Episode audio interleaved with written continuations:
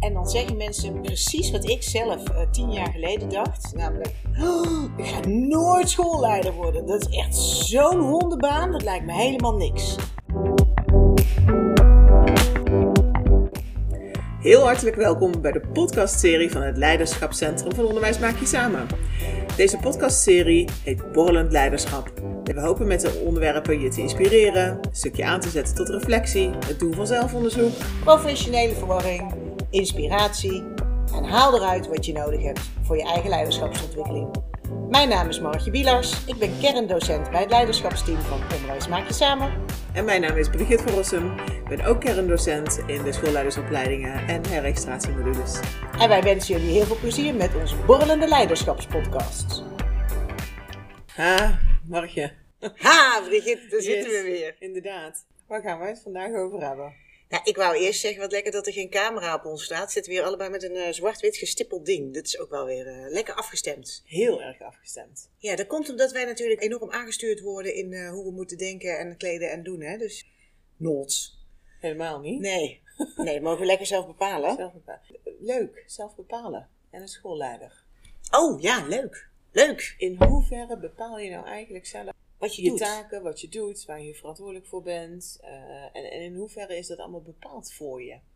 Ik weet niet hoeveel... Die vind ik leuk, hè? Want Ja. bij eh, basisbekwaam, bij de, bij de opleiding basisbekwaam, vragen wij, vragen we eigenlijk altijd even uit. Wat denk je eigenlijk dat een schoolleider doet? Merk je ook al voordat mensen zich aanmelden dat er eh, telefonisch contact is. En dan zeggen mensen precies wat ik zelf eh, tien jaar geleden dacht. Namelijk, "Oh, ik ga nooit schoolleider worden. Dat is echt zo'n hondenbaan, dat lijkt me helemaal niks. Nou, mijn beeld van de schoolleider toen was alle wc-papier, printpapier, hekjes die piepen, koffieapparaten die vastlopen. De veredelde conciërge, zou ik maar zeggen. Verschrikkelijk. En daarnaast alle ellende van financiën, ontevredenheid binnen een team of ouders. Dat ik dacht, nou, wat een, Ja, wat, een suffe baan. Ja, Doe mij maar gewoon lekker met de kinderen. ja. Je vergeet er nog één. Ik ben ooit eens een keertje in de kleuterklas geroepen toen ik nog directeur was. Want het was thema beroepen en eh, ze wilden ook wel eens weten wat de directeur van de school deed. Zei, dus wat, wat denken jullie dat ik doe? Ja, ik opende de post. Oh, dat is de belangrijkste. Ja, dat is de belangrijkste. En, en, ik denk, oh en- ja, daar zien ze mij natuurlijk gewoon mee door de gang heen lopen. Want de brievenbus zat, zou ik maar zeggen, bij de ingang van de kleuterkant. En dan zien ze mij met die post door de gang heen lopen. Ja, dat doet dus een directeur. Die En? opent de post. Op de wc zitten de kleuters vlak, meestal bij het directiekantoor ergens. En dan hoor je, ik ben klaar! En dat is dan ook ongeveer jouw cue om nog iets te gaan doen. Nadat je de post geopend hebt en het koffieapparaat schoongemaakt hebt natuurlijk. Ja, ja. Nou, dat is voor mij dus zeker allemaal geen leiderschap. Nee. En als Nog dat een mijn leuke baan was geweest... trouwens. Ik ben, ik ben ook bij de eerste school, eh, die had als titel burgemeester voor schoolschool. En daar werd regelmatig aan mij op de gang gevraagd: Ben jij dan nu de burgemeester? Oh, die vind ik wel heel mooi. Heerlijk. Maar dit zijn beelden van buiten. Beelden door inderdaad leraren, wat jij net zei. Van wat doet nou eigenlijk een directeur? Hè? Wat, wat zie je eigenlijk van die baan? Ja, Eh, en hoeveel laat je daarvan zien? Hoeveel, hoeveel liet jij daar nou van zien zelf toen je eh, leidinggevende was? Ja, ik hoop natuurlijk dat ik iets anders liet zien. Ehm, maar er zit wel acuut een spanningsveld, denk ik, op, de, op op deze baan tussen eh, laat je de waan van de dag jou overnemen of eh, besluit jij zelf? Is het jouw plan of ga je in het plan van een ander? Ja, ander, ja. En, en eh, wat er nu veel gebeurt, zeker in die coronatijd, nou, volgens mij had je toen bijna geen plan, dus zat je constant in het plan van een ander.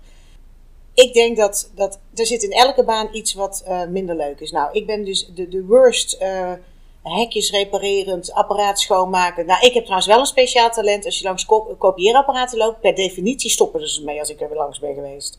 Dus dat is ieder, ieder zijn talent, hè. Maar ik, als het over apparaten en, en, en onderhoud gaat, daar ben ik gewoon niet goed in. Wat ik wel heel fijn vind om te doen, is bij, bij mensen in de klas komen, met ze het gesprek hebben over eh, waar zij trots op zijn, wat zij mooi onderwijs vinden, dingen die ik zie, dingen die die, die, leerkracht zelf ziet, kijken waar je verbeteringen in kan vinden, de afstemming vinden in een school. Dus ik hoop dat mensen zien dat ik in een school ben. Management by walking around. Ik ben in die school, ik ben met mensen in gesprek. En ik ben een hitteschild. Ik hou eh, bepaalde ellende, eh, gezeur en gemauw hou ik bij ze weg. Betekent wel dat ik altijd een bepaald percentage ja, ik noem het maar even, geneuzel toch wel in mijn baan heb. Alleen, hoe hou je nou de, de marge van je geneuzel zo klein mogelijk? En sommige schoolleiders die, die, die lijken de week bijna te vullen met ja, wat ik geneuzel vind. Ja, maar goed, jij kiest dus eh, in principe, wat je zegt net, ja, wat ik leuk vind. En daar ben je dus ook toe geneigd om dat wat meer te doen. Ja. En maar waar staat nou dat dat nou het belangrijkste is van je baan? Ik, ik weet dat ik mezelf regelmatig ook aan moest sturen. Dan liep ik tussen twee gebouwen heen en weer die, eh, die mijn school had. En dan dacht ik, nee maar wacht even. Ik ben facilitair medewerker. Ik ben ook gewoon OOP. Ik ben, ik ben serieus gewoon onderwijsondersteunend personeel in plaats Oh, van de absoluut. directeur. Dus het is ook een soort taakstelling die je jezelf, zou ik maar zeggen, geeft. Ja. Naast eh, überhaupt al een opdracht die je krijgt van je bestuur. Hè? Ja. Van dit is een, wat had ik ook alweer? Een slim fit controleschool. Nou, die moet je vooral aan een innovator geven. Ja, controleschool. Dat was een ja. controleschool. Wat, wat, wat moest je doen dan? In principe moesten wij de cijfers aanleveren en die werden dan vergeleken met, met de slim fit scholen. Dat waren dan de innovatiescholen. En ja, dan gingen ze dus eigenlijk kijken wat die innovatie dan zou doen ten opzichte van als er niet dat budget was om te innoveren. Ja, Ja. ik geloof dat wij het hardst geïnnoveerd waren zonder de subsidie. Dus Oh, ik denk dat leuk, wij een beetje roet in, in de cijfers hebben gegooid toen. Ja. Eigenlijk jou, jouw eerste vraag dus, hè, van wat is nou de taak en de rol en de verantwoordelijkheid van een, van een schoolleider? Wat doe je nou eigenlijk? Wat, en wat doe je dus niet?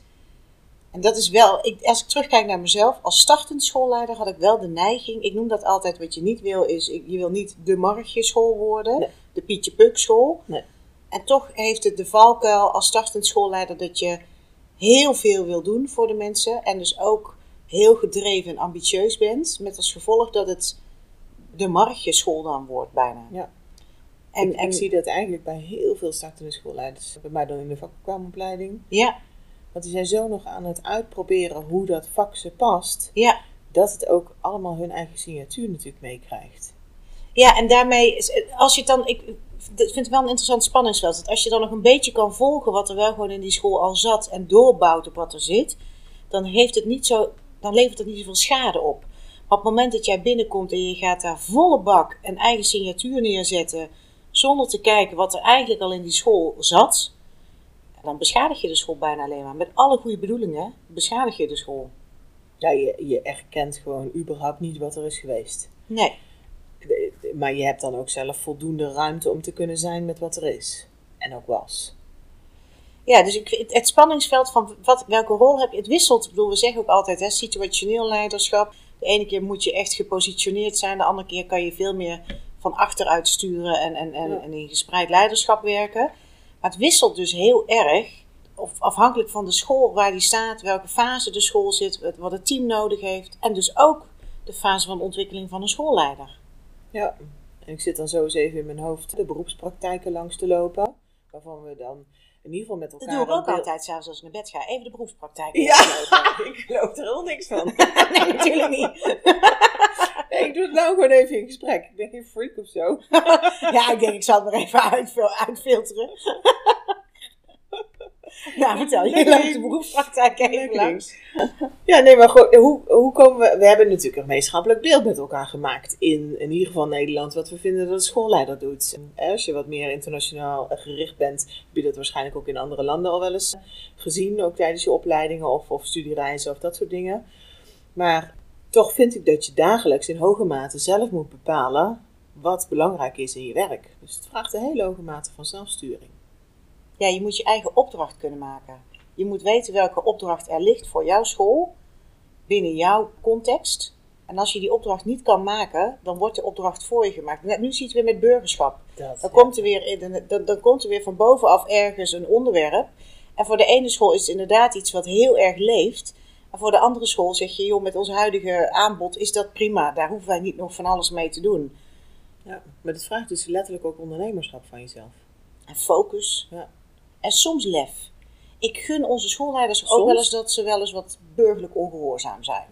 Dat je zegt, god wat een leuk cadeautje, ik pak het even niet uit, bedankt. Misschien moeten we het daar de volgende keer eens over hebben. Welke cadeautjes pakken we nou uit of niet? Leuk. Ja.